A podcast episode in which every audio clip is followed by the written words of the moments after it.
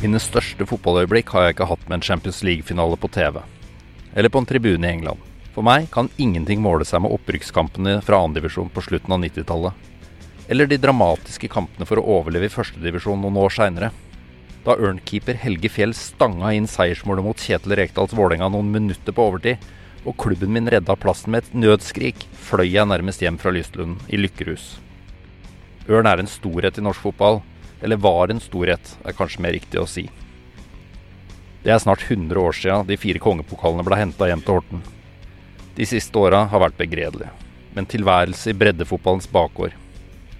Hvorfor falt en storhet som Ørn ned fra fotballtronen? Og er det lov for en Ørn-supporter å drømme om en ny storhetstid?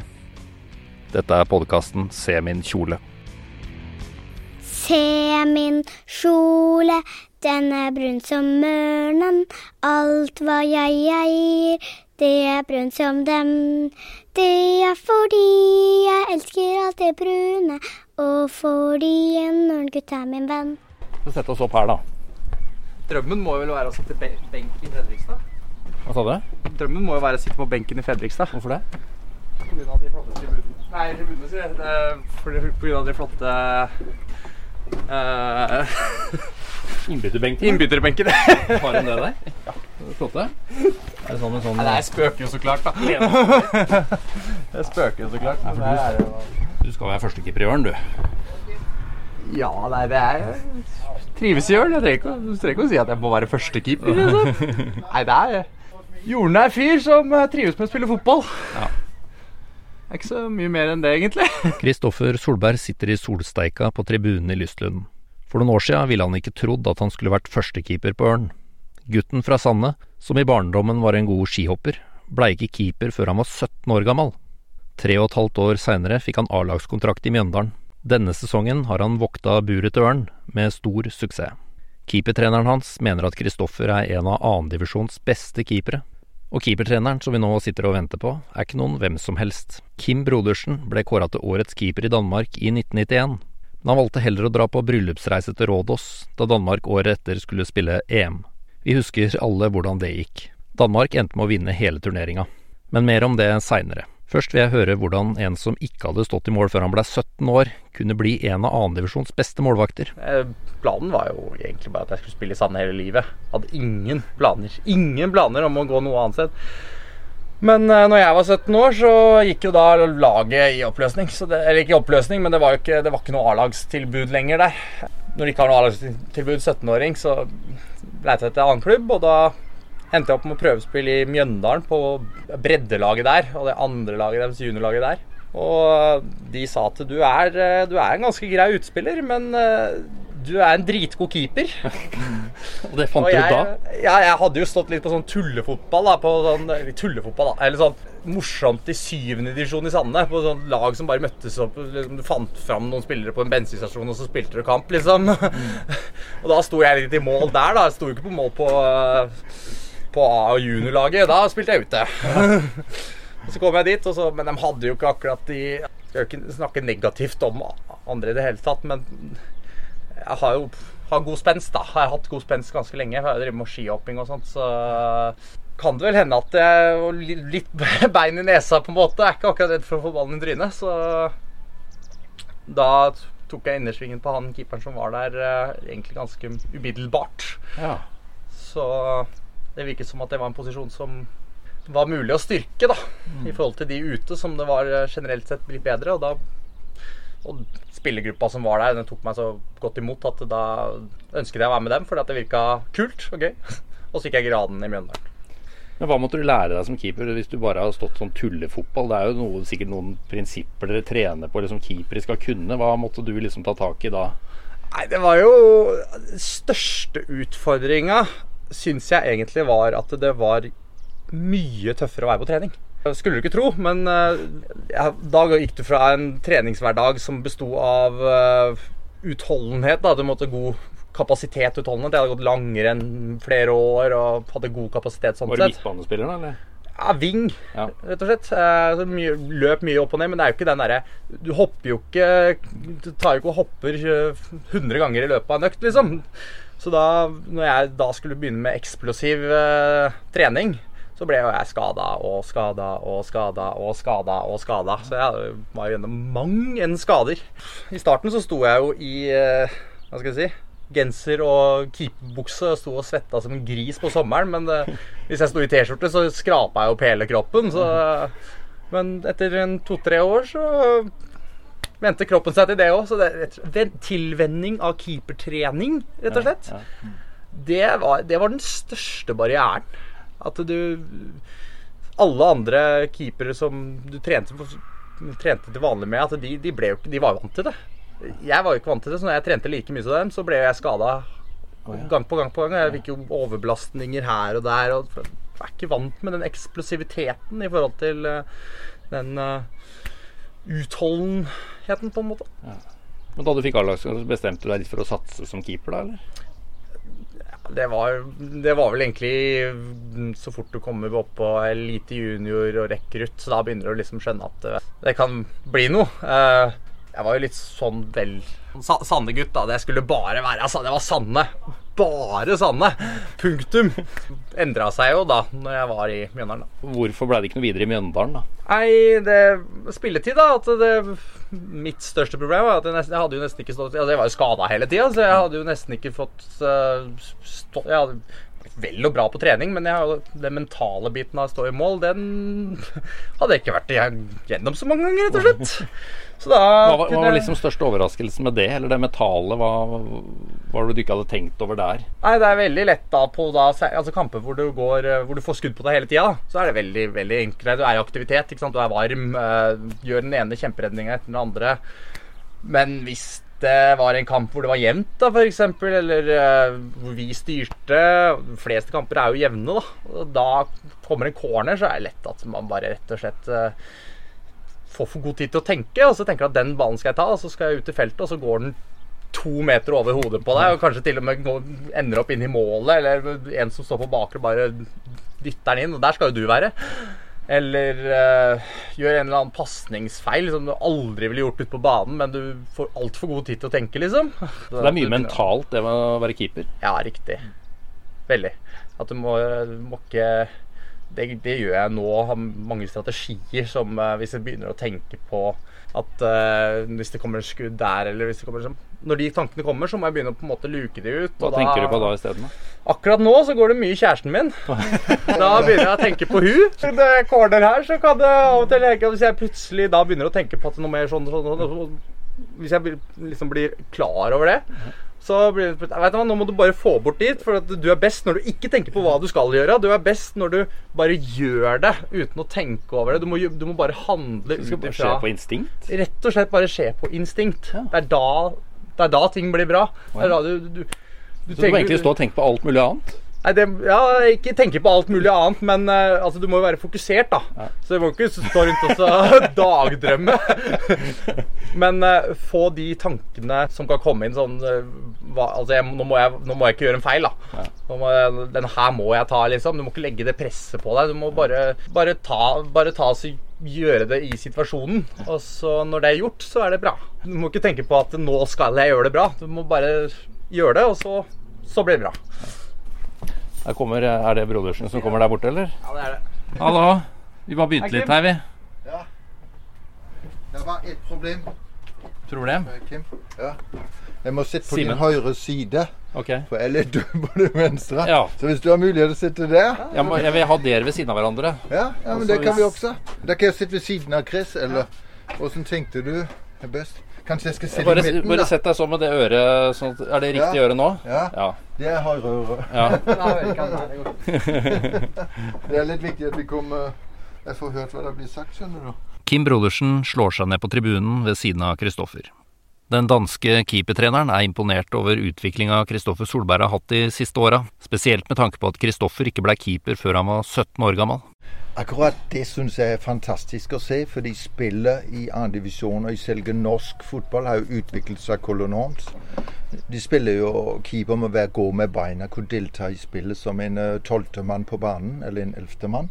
Så det at han har vært god som ungdomsspiller med beina som spiss og sånn, gjør jo at han har utvikla sitt spill godt nå. Han er kjempegod med beina, strukturert, kan delta i spillet, kan forsere med lange pasninger, korte pasninger. Uh, er en trygghet for selve laget. Så han har utvikla det der veldig bra. Og det tror jeg den egenskap har han fra at han spilte ute. Så det kan være en fordel nå i Ja. det, dagens fotball, egentlig? Ja, jeg tror det. Jeg tenker litt på meg sjøl, for jeg, den gang jeg var 17 år, slutta jeg helt med fotball. Ja. Og så begynte jeg som 18 år igjen, og jeg kom jo på landslaget. Så jeg, jeg føler jo at det der at man uh, kanskje skifter posisjon på banen, eller slutter helt, kan gi en uh, kjempe indre motivasjon når man begynner så seint. Jeg pratet så vidt med Ronny Johnsen om det her den andre dagen. At uh, fotballspillere og keepere sånn, de starter kanskje for tidlig. At de er metta når de kommer til 17-18-årsalderen. Og det er jo der egentlig vi starter. Når de andre begynner å bli metta. Og det ser jeg på Chris. Han syns jo det er kjempegøy på trening. og Fantastisk både på kamp og trening. Ligger jo på veldig høyt nivå i andredivisjon. Så jeg syns jo den utviklingen han har hatt, er jo kjempebra. Ja, er han en av divisjonens beste keepere? Ja, det vil jeg mene. Uh, I og med han er sånn komplett. Han er både spenstig, som han forteller sjøl. Han har trent hopp. Uh, han er god med ball. Han har tekniske ferdigheter. Og så er han egentlig noe som han ikke sjøl har lagt merke til, men han er en dirigent. Han prater mye. Og, og det å prate mye i en kamp, det kan du ikke pålegge folk. Det er Enten har de det, eller har de det ikke. Og det føler jeg det er en egenskap som Chris han, han er god til, uten han sjøl tenker over det. Og det er en stor verdi for laget. Så han har en del medfødte egenskaper Ja. og ting han har drevet med, som skihopping, da, som har gjort at uh, Ja, det, det blir en pakke her. ting. Ja. Flere ting som har gjort at han uh, mestrer andredivisjon nå. Og kunne i hvert fall nå ta et spring høyere opp i Obos hvis han uh, kunne ønske det. Det er så opp til han, da, men uh, Det blir med Ørn, det, da. Ja, ja. ja ikke minst. Så, men uh, han er jo fantastisk for laget, og det ser vi jo gang på gang. At han, uh, han ligger generelt på topp tre på laget hver kamp vi spiller. Men hvor viktig er det med den tryggheten hos en keeper, med den stilen Ørn har, og den måten man spiller på? Det er akkurat det vi jobber veldig mye med, jeg og Chris. Det er jo trygghet eh, mellom ham og meg. Jeg står bak ham uansett hva som skjer. At eh, jeg skal gjøre det på sin måte. Ha den frihet i spillen hans. Og, og det gjør jo at uh, vi er trygge på hverandre. At han lytter til meg, og jeg lytter til ham. Og så finner vi den måten hvordan vi skal takle neste kamp. Så han presterer. For det er jo det vi tenker på fra mandag når vi begynner hver uke. Så tenker vi på neste kamp. Hvem er det mot? Hvordan skal vi prestere? Når skal vi prestere? Og hvordan skal vi prestere? Men hvordan går det konkret til verks? Da analyserer du neste motstander? Er det spesielle ting å ta tak i til spesielle kamper, eller hvordan jobber dere uka inn mot eh, kamp? da? Ja, Vi, vi vet jo først så vet jo hvem vi skal spille mot. Så er vi jo veldig eh, interessert i hvilken taktikk Kjell han legger, og det vet jeg jo veldig tidlig. Og så prater jeg jo med Chris om han skal være om det blir mye med beina, at han skal distribuere ballen ut, eller om han skal sparke langt, øh, kjøre litt høyt press. Øh, så han må passe seg med beina. Eller kommer det mye innlegg? Skal han ut i feltet og plukke? Øh, og de ting Nå jobber dere ekstra med Yes. det denne uka. Hvis det Ja, blir mye det. innlegg, så blir det mye innleggstrening. Da, da. eh, trener vi mye med det, med Ja. innleggsfasen. Fra forskjellige vinkler. Og prater om om vi skal ut og bokse, om vi skal vippe ballen videre, eller vi skal holde ballen. Uh, Så vi jobber konsentrert mot de eh, kampene. Og da er det jo viktig at vi har en god kjemi, for det blir jo sånne små tvister hele tiden. Hvor vi liksom eh, er på klinga. Ja, faen, eh, gjør det, da. Eller gjør det, da. Og så ender det ofte opp med at vi gjør det på Chris sin måte. Kan du bli litt lei av noen ganger? Ja, det tenker jeg. Men det er helt greit. Det gjør kona mi også, det går fint. nei da det, men du, du vedder deg til det, vet du. Når du har hatt altså, sånn som meg som har hatt mange keepertrenere også, så er jo alle Alle er jo litt spesielle. Så sånn er det. Eh, og Er det fordi de er keepere? Vi får si ja, da, fordi at jeg er det òg. Vi får si ja. Um, Men stemmer det at keepere er litt egen rase? Det er jo sånn som har blitt sagt i alle år. Det blir sagt eh, i alle årene. Jeg syns jo ikke det, da, for jeg syns jeg er veldig pen og er veldig hyggelig og veldig snill. Så jeg skjønner ikke hva de mener, men eh, jeg hører jo du sier det. Og, Men man er vel litt sånn ensom som keeper i et lag? Ja, Sjøl om man er et lag, så må det vel være litt sånn ensomt å være den bakerste der? Ja, og det, det jobber vi jo også en del med. at Skulle Chris gå inn og gjøre en feil, så er det bare å reise seg, kjøre videre. Vi kan ikke stoppe opp. Han er med i laget, selv om han står alene der nede og kan gjøre enkle feil som koster mål. Tidlig i kampen, sein i kampen. Uh, avgjørende feil. Men du kan også være man of the match. Det, er liksom, Du står litt alene. Og Men det er jo litt sånn som Ørn spiller. Det er mye trilling tilbake til keeper Ja. og spill i 16-meteren. Ja. når jeg sitter på tribunen her, så får jeg litt hjerte i halsen noen ganger med det småspillet i 16-meteren. Og jeg tenker når du står der som bakerste mann, og du veit at hvis jeg mister ballen nå, ja, så er det mål. så er det mål. Ja, det er det vi prater om. Men uh, Men hvordan forbereder man seg på det? Eller? han kan det, så han trenger ikke å forberede seg. Chris han kan det greiene der bedre enn meg. Ja, det, er jo ingen tvil om at man må utfordre seg på, selv på trening, da. At man eh, kan på en måte si at eh, de største feilene jeg har gjort, de har jo kommet på trening. Og så har det jo vært eh, noen med hjertet i halsen ute på banen òg. men du må tørre å gjøre feil, feil og Men du må tørre å gjøre feil med, altså, med kvalitet og liksom du gjør ikke feil med vilje, men du må, må ha, ha kvalitet på trening og tørre å gjøre feil, sånn at du kan lære av de feilene.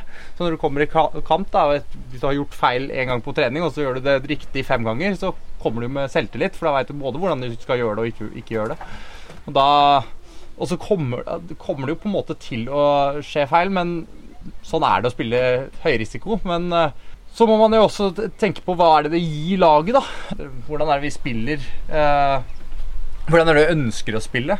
Eh, hvordan scorer vi målene våre?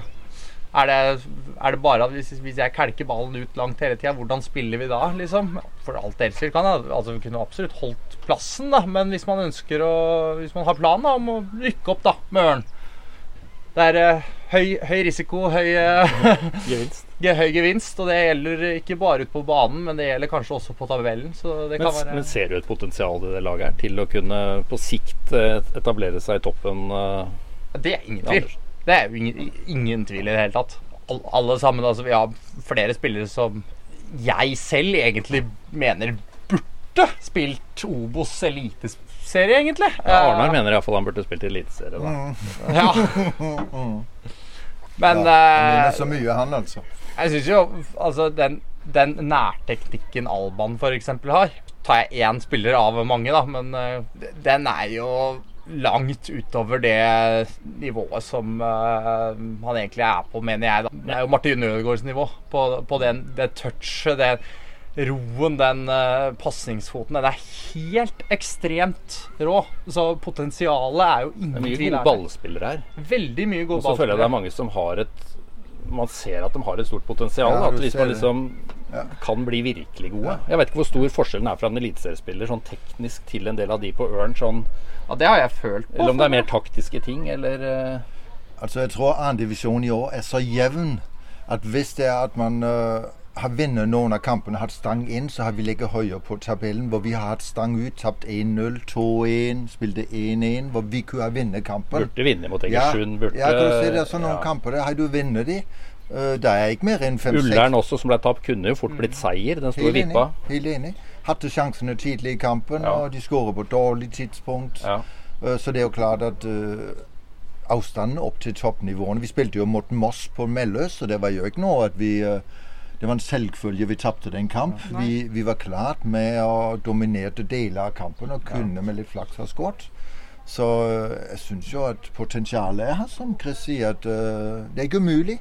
Nå, eh, Øygarden er jo ute nå. Vinner vi to kamper til, så ligger det plutselig to-tre poeng etter en kvalifiserings. Er det ikke sant? Men det krever jo vi har litt flaks og litt uh, Som Chris også er inne på, det er mange av spillerne som holder veldig høyt nivå teknisk. Men vi mangler å få skåret de rette målene på de rette tidspunktene. En keeper og en keepertrener tilbringer utallige timer sammen i løpet av en sesong.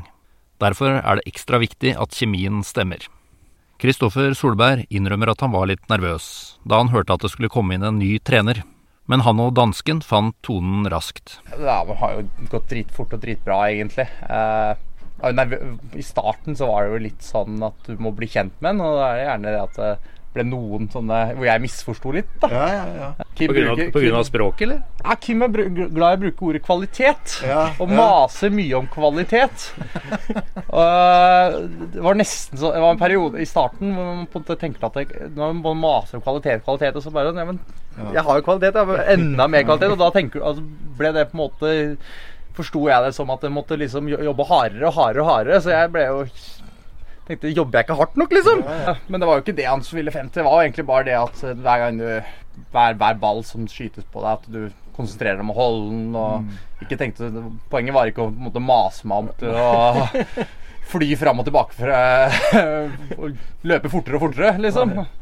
Nei, det er, jo, det er jo en divisjon høyere oppe i år også. I fjor var det tredje divisjon. Uh, nå spiller du annen divisjon. Lagene er semiprofesjonelle. De begynner å utvikle spillet sitt, så de leser de andre forsvaret. Så det vil si at uh, Chris har jo enda større oppgave i år enn han hadde i fjor. Og det er jo det vi har jobba mye med, å komme ut i feltet og være kvalitetssikre det, for å bruke det ordet som Chris er så glad i. Og som jeg sjøl har bygd opp over ambulansestrukturen. Jeg jobber i ambulansen, så derfor så bruker vi ofte det året kvalitetssikre oss. Du har tatt det fra, Ja, fra jobben det det som sikkert. ambulansearbeider? Jeg jobber på sykehuset i Vestfold, Ja.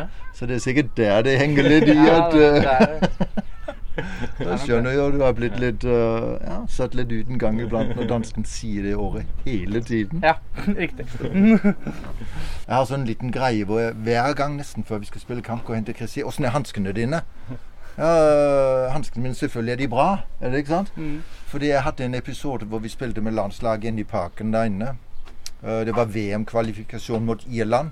Det var 25 000 tilskuere. Jeg satt på benken. Det var Peter Schmeichel som står. Ja. var kjempespent, og det var god stemning. og Det regna, det bøtta ned med vann, og jeg satt jo og, og venta.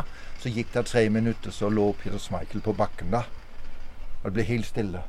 Og så sier landstreneren, det var Rikard Møller Nilsen, Kim, varm opp. Varm opp. Jeg skal faen ikke inn der, tenkte jeg. Hanskene mine, de er for store. De er ikke noe bra. Og så sier han en gang til, Kim, varm opp. Varm opp. Jeg skal faen ikke inn, tenkte jeg. Og jeg satt jo på benken som eneste keeper, og så begynte jeg å svinge litt. og de spilte med Ian Ross og en som het Nigel Quinn, som kom fra City. De var to meter høye, og det bøtta ned med vann. Det var VM-kvalifisering, og jeg var 1,83 eller 84 høy med dårlige hansker. Tenkte jeg jeg skal faen ikke inn. og så reiste Michael seg opp. Og da veit jeg Faen, da satt jeg med de dårlige hansker. Det kommer jeg aldri til å gjøre en gang til, altså. Men Hadde du ikke brydd deg så mye om det fordi du trodde du ikke skulle spille der, eller? Jo, men altså som reservekeeper du svært sjelden du blir brukt. Jeg har sittet på benken 10-20 ganger hvor Kom opp, yes, kjempebra. Og så tar du bonusen etterpå. Men du kommer aldri inn på. Og så akkurat den kampen Nei. Hanskene var ikke bra. De var for store, merket jeg. Så den episoden husker jeg. Så derfor så spør jeg Chris hver gang. Hanskene, er de bra, eller? Ja, de er bra, Kim. Ja, så flott. Nå er vi klare. så det er sånn som henger ledig for meg, da. Så Det er altså en gammel dansk keeperhelt som tusler rundt i Lystlund nå for tida. I 1991 var han faktisk Danmarks beste keeper. Han vant kåringa foran selveste Peter Schmeichel. Det var keeperne i Danmark som stemte meg frem som årets keeper. og Da fikk jeg det gulne buret. Og øh, Da spilte jeg i Lyngby. Vi ble danmarksmester. Vi slo øh, FC København i finalen da. Så jeg mente jo sjøl jeg var fantastisk god. Jeg var jo også det. Jeg har vært på prøvespill i Arsenal. og... Åssen var det? Ja, det var jo, For meg var det en kjempeopplevelse. Det var i 1998. Uh, hvor jeg- 88? ja, Ja. 88, hvor jeg kom ned fra en klubb der het Herfølge, og ble invitert over til Arsenal, hvor de hadde manager det het George Graham. Og kom jo over ble henta og ført inn på hotellet hvor jeg skulle bo. Så gikk det ut på universitetsanlegget hvor vi skulle trene. Og tenkte ja, ja, det her kommer til å gå bra. Kim er i god form og 1,83-84 høy. Dette blir bra. Og kom ut, og så En av øvelsene det var at uh, inni femmeteren da stilte de et helt lag med spillere på ca. 1,85 2 meter høye i en hel time. Og så slår de innlegg. Og så skulle jeg ut og plukke. Og det var eh, den måten de skulle vurdere meg på. Og etterpå tenkte jeg ja, det ble nok ikke noen Premier League på meg, tenkte jeg, for det klarte jeg ikke. Men så dagen derpå da hadde vi skuddtrening. Og de hadde en keeper, det het John Lukic på det tidspunkt. Han kom fra Leeds. Eh, Det var det året de vant Premier League. Det var i 88-89. Arsenal, så de var veldig gode. Og var kjempegod. Og så var vi ferdig med trening, og så øh, tenkte jeg ja, nå må jeg gå inn og dusje. Jeg var jo sliten og trett og kom inn. Og så var det 20 badekar, husker jeg. Og det var stort på det tidspunktet. Og så kom jeg inn, og så sitter det en mann i det ene badekaret og røyker sigar. Han titta på meg, og jeg titta på han. og så så han opp i loftet igjen, og så skjønte jeg etter hvert at det var David O'Leary. Husker du han? Han, spilte, han var kaptein på Irland og har blitt manager i Arsenal og sånn etterpå. Og han var veldig arrogant og satt og røyka sigar. Han trente ikke.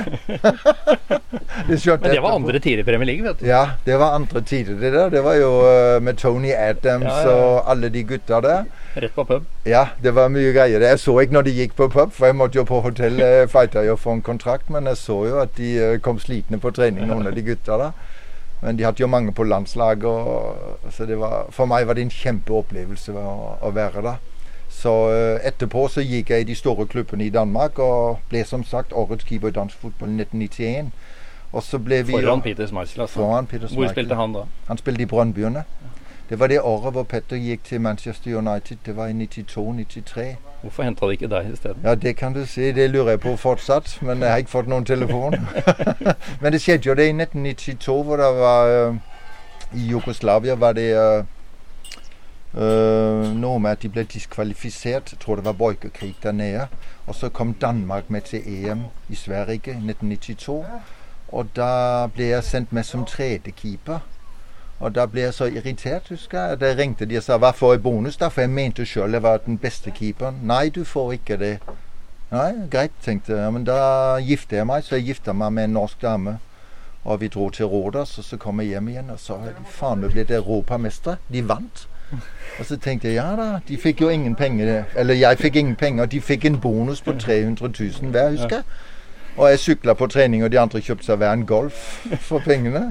Så jeg husker at det var nedtur. Skikkelig nedtur, altså. Men Så eh, du kunne vært med hvis du ja, som tredjekeeper. Jeg følte jo jeg var den beste. Ja. For jeg var jo årets keeper 1991, og jeg var jo veldig god. Men uh, det var liksom landstreneren som bestemte hvem som var nummer to og tre, og jeg var nummer tre.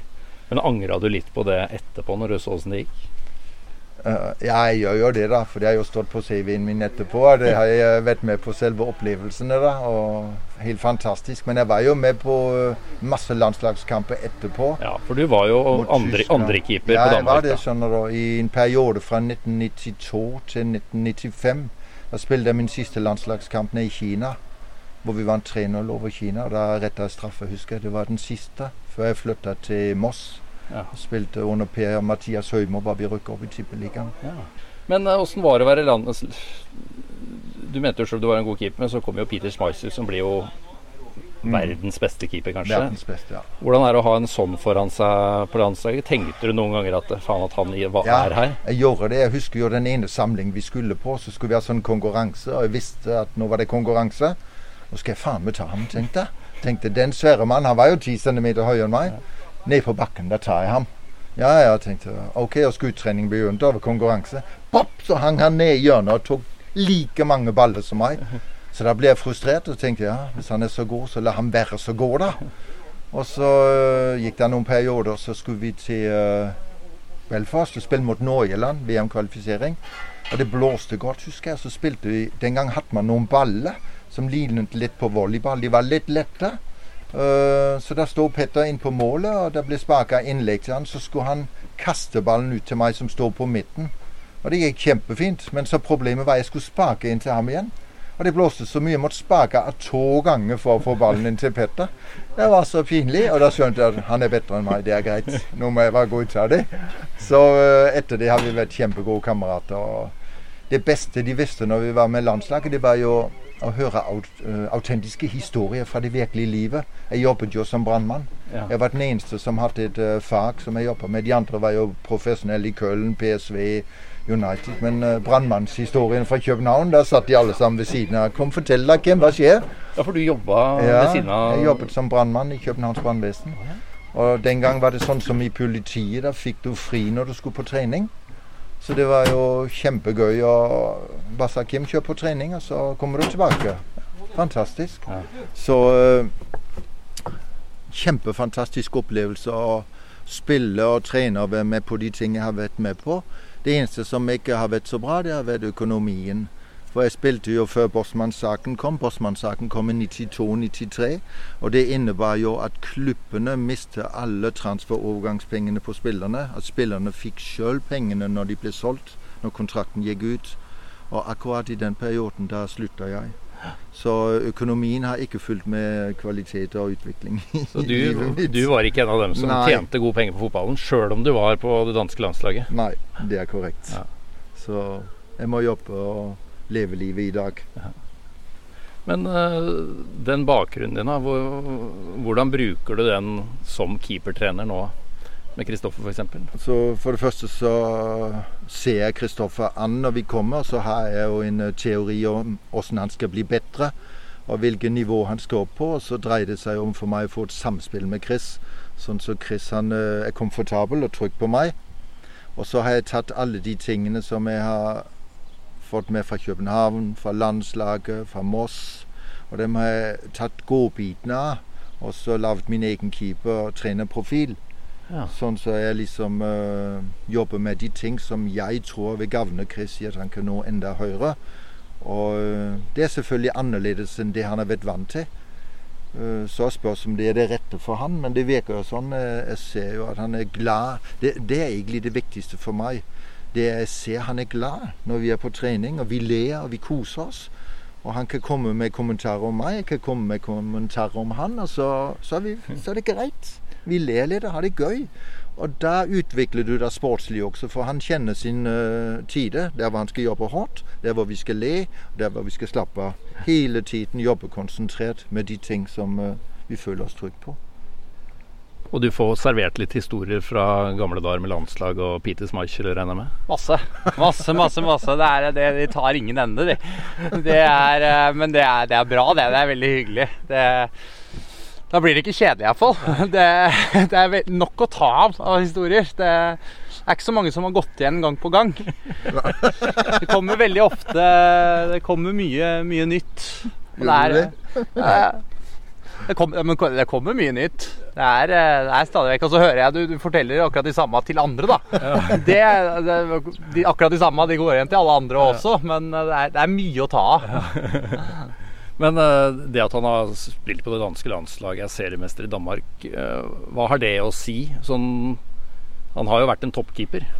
Som for deg, som keepertrener, da. Skal jeg være ærlig? Det det, ja. Skal jeg være dønn ærlig? Ja, er ingenting. ingenting. Altså, jeg Så han kan ikke komme med den CV-en sin her og imponere deg. Nei.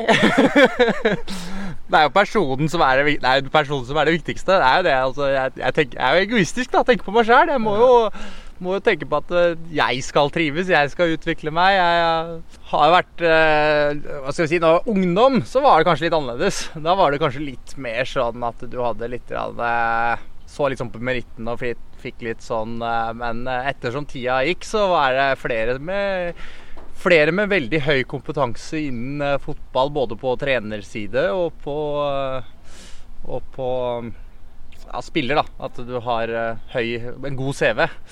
Som jeg har vært eh, ekstremt uenig med. og tenkt at nei, vet du hva, det, det, det gidder jeg ikke, rett og slett. Så det, det, jeg, har ganske sterke meninger selv, og da Så det, det viktigste, for, viktigste for meg er egentlig at det er en hyggelig person å være med. og jeg er litt, litt mer litt den der at jeg liker å ha en eh, pedagog rundt meg, da. Og det mener jeg jo egentlig Kim er. En veldig god pedagog. Veldig trivelig, veldig, veldig trivelig å være keeper til. Hva gjør han hvis han skal dra deg opp etter en hvis du har en, hatt en dårlig dag eller dårlig kamp og sånn? Nei, da kommer han jo bort og tar altså, Jeg er jo gjerne litt uh, han, er, han, er, han liker å komme litt tett. Han er, han er, er intim, men det går fint. Jeg, jeg, jeg har ikke noe imot det. Men han tar gjerne, tar gjerne litt rundt meg og altså, snakker at det går fint. Nå går vi videre. Og, at, uh, og så er han veldig, veldig til å fokusere på de gode tinga. At uh, hvis det har skjedd én feil, og jeg er litt sånn der ah, Søren, den burde jeg gjort bedre. Så er det bare rett bort. Eh, en eh, ikke bjørneklem, klem, men eh, ta litt rundt meg og så fokusere på at den var bra, og det var bra, og det var bra. Så jobber vi videre. Det er bra. ikke sant? Kjempebra. Det har vært kjempebra. Så fokuserer vi på det, og så går vi videre. Så er det ekstremt positivt, da. Og det, det gjør jo at det er gøy å spille fotball, og som egentlig er det viktigste. Jeg presterer ikke hvis ikke det er gøy. Veldig enkelt. Og da spiller det ingen rolle hvilken kompetanse du har. Hvis det ikke er gøy, så Men det er det å gjøre det om dagen. Det er gøy, ja. det, er, det er absolutt. Det er, eh, selv om man på en måte ønsker å være i toppen, så er det Jeg elsker å være i hjørnet. Men du ser jo potensialet her, og kanskje vi kan drømme om et opprykk om et år eller to. Ja. Eh, hva er ambisjonene dine som keeper? Ja, Det har jeg egentlig sagt. Mm. Ha det gøy. Spille fotball. Trives med det på Hva skal jeg si Trives, trives, trives og syns det er gøy på høyest mulig nivå.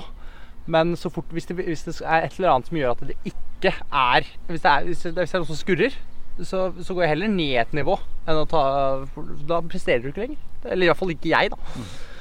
Det er kanskje fordi jeg er keeper og er litt rar, men, men iallfall det, det, er, det er førstepri. Det, det å trives. Er det også grunnen til at du har prestert så godt i år? Ja, det vil jeg si. Absolutt. Hvor langt tror du Kristoffer kan nå som keeper? da? Uh, det er jo litt opp til han sjøl. Uh, men jeg mener jo at uh, når jeg ser de andre keepere, jeg vet en del i Sandefjord sett og sånn, så mener jeg at han har potensial til å i hvert fall ta en divisjon til. Men det er jo fullt mulig å gjøre det her på Ørn. han er jo en type som mestrer de fleste av tingene. Og da kommer vi inn på kvalitetssikre igjen, for å bruke det fine året som vi har lagt til oss her nå. Og det er at hvis vi jobber med de enkle tingene, kvalitetssikrer de, så vil de stige jevnt over. Så det er akkurat den kjemien som vi har, hvor jeg tar meg sjøl så høytidelig, som Chris også forteller, at det er viktig at jeg lar meg hvile litt sjøl, og vi ler litt av meg. Så kan jeg komme med mine historier, men ha fokus på å utvikle Chris. Og det er jo det som er mitt fokus, det er å gjøre ham god. Og det, Da er det ofte jeg må stille meg tilbake sjøl og si åssen hadde jeg den tiden? Åssen ville jeg gjerne ha det? Åssen kan jeg bidra til at han får det på en god måte? Så det er sånn jeg gjør før jeg går hen og prater med ham. Så sånn må jeg tenke meg om hva gjør jeg nå for at Chris skal fortsette den kamp. For selv om du spiller en kamp og det står 1-0 til Ulland, så er det 80 minutter igjen. Vi kan ikke legge oss ned og gråte for det. Da må vi liksom mobilisere. Vi må finne gåsidene og jobbe. Plutselig står det 1-1, og vi er inne i kampen igjen. Og da trenger vi en god. Men uh, vi begynner jo å jobbe litt inn imot at han skal være en angrepsfaktor også. For vi har jo vært inne på det der at han deltar masse i spillet. Men i og med vi ikke skårer så mange mål, kan han være en årsak til at vi får enda flere mål. For han har veldig god med beina, han kaster godt. Han, han kan sparke langt over midten. Kan han spille de oberste lett fri på en eller annen måte? Kan vi gjøre et eller annet der? Det har vi jo jobba en del med, å prøve å se om vi kan bidra til at vi får flere mål. Så det er noe av det som vi prater om i pausen. Se, nå står det 0-0. Hva gjør vi, Chris? Har du mulighet for å slå langt til kantene? Ser du hvor er Adrian henne?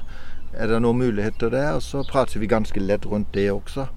Så vi prøver å se utviklingsdelmål hele tiden. Både i kamp og på det lange perspektivet. Så det er mange ting vi to kommer innom, bortsett fra kjærlighetslivet der hjemme. Det holder vi for oss sjøl. Nå inne i det, Chris? Ja. ja. Tenker på når det er corner, det. Mm. tenker på når det er corner. Tenker på corner, ja. Sånn til slutt, da. Hva, årets sesong, hvor ender Ørn til slutt nå?